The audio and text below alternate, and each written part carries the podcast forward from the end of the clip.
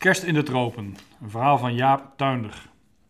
Een deel van 241 regiment veldartillerie was gelegerd in Chikum, iets ten noorden van Bandung, in voormalig Nederlands-Indië. Het kanon was verzegeld en de veldradio was er niet. Ik was opgeleid tot radiotelegrafist, had geen taak en werd patrouillestamper en brandmitrailleurschutter.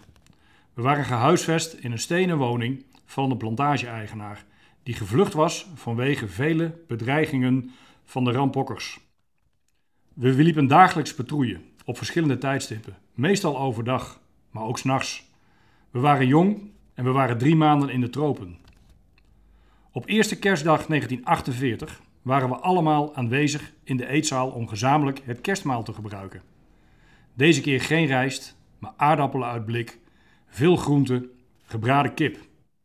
Alles dankzij onze kok uit Kampong, die dit allemaal bij elkaar gescharreld had. Onze luitenant las het kerstevangelie uit Lucas 2 en we dronken een biertje uit de veldmok. Daarna gingen we op pad om te laten zien dat we de boel in de gaten hielden. Alles was rustig en tegen de avond waren we weer terug. Om half twee s'nachts werden we gewekt door onze wacht. De Loera, het dorpshoofd van een nabijgelegen kampong, liet ons weten dat er weer verdachte mannen bijeenkwamen en had een boodschapper gestuurd. We gingen erop af, lopend met acht man. De boodschapper liep voorop om ons de weg te wijzen. Opeens verliet hij ons, bang om als verrader herkend te worden. In de bewuste kampong aangekomen, wees de Loera ons het huis waar de mannen samen zouden komen. We trapten de deur in en binnen bevonden zich vier mannen, die we naar buiten dirigeerden. Binnen vonden we vier koloks, grote messen, twee bamboesperen en een junglekarabijn met dertien patronen. Alles werd in beslag genomen. De Loera wist met enige dwang de mannen aan de praat te krijgen. Ze wilden binnenkort een aanval plegen op ons kamp.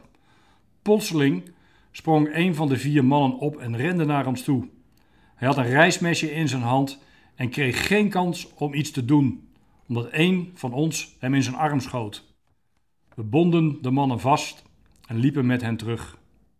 Niet ver van de kampong kwamen we op een grote weg waar een drietonner klaar stond om ons naar ons kampement terug te brengen. We droegen de vier mannen over aan de burgerpolitie en gingen naar bed. De volgende middag gingen we weer op patrouille. In de bewuste kampong aangekomen werd ons verteld dat de Loera die ons gewaarschuwd had, die nacht vermoord was. Van de dader geen spoor uiteraard. We liepen terug naar ons kampement, erover nadenkend wat er gebeurd zou zijn als ze niet met z'n vieren, maar met meer personen waren geweest. We gingen mandien, douchen met een emmer lauw water en dachten aan thuis, waar ze nu kerst vieren, in wintertijd, met sneeuw, terwijl het hier 35 graden was.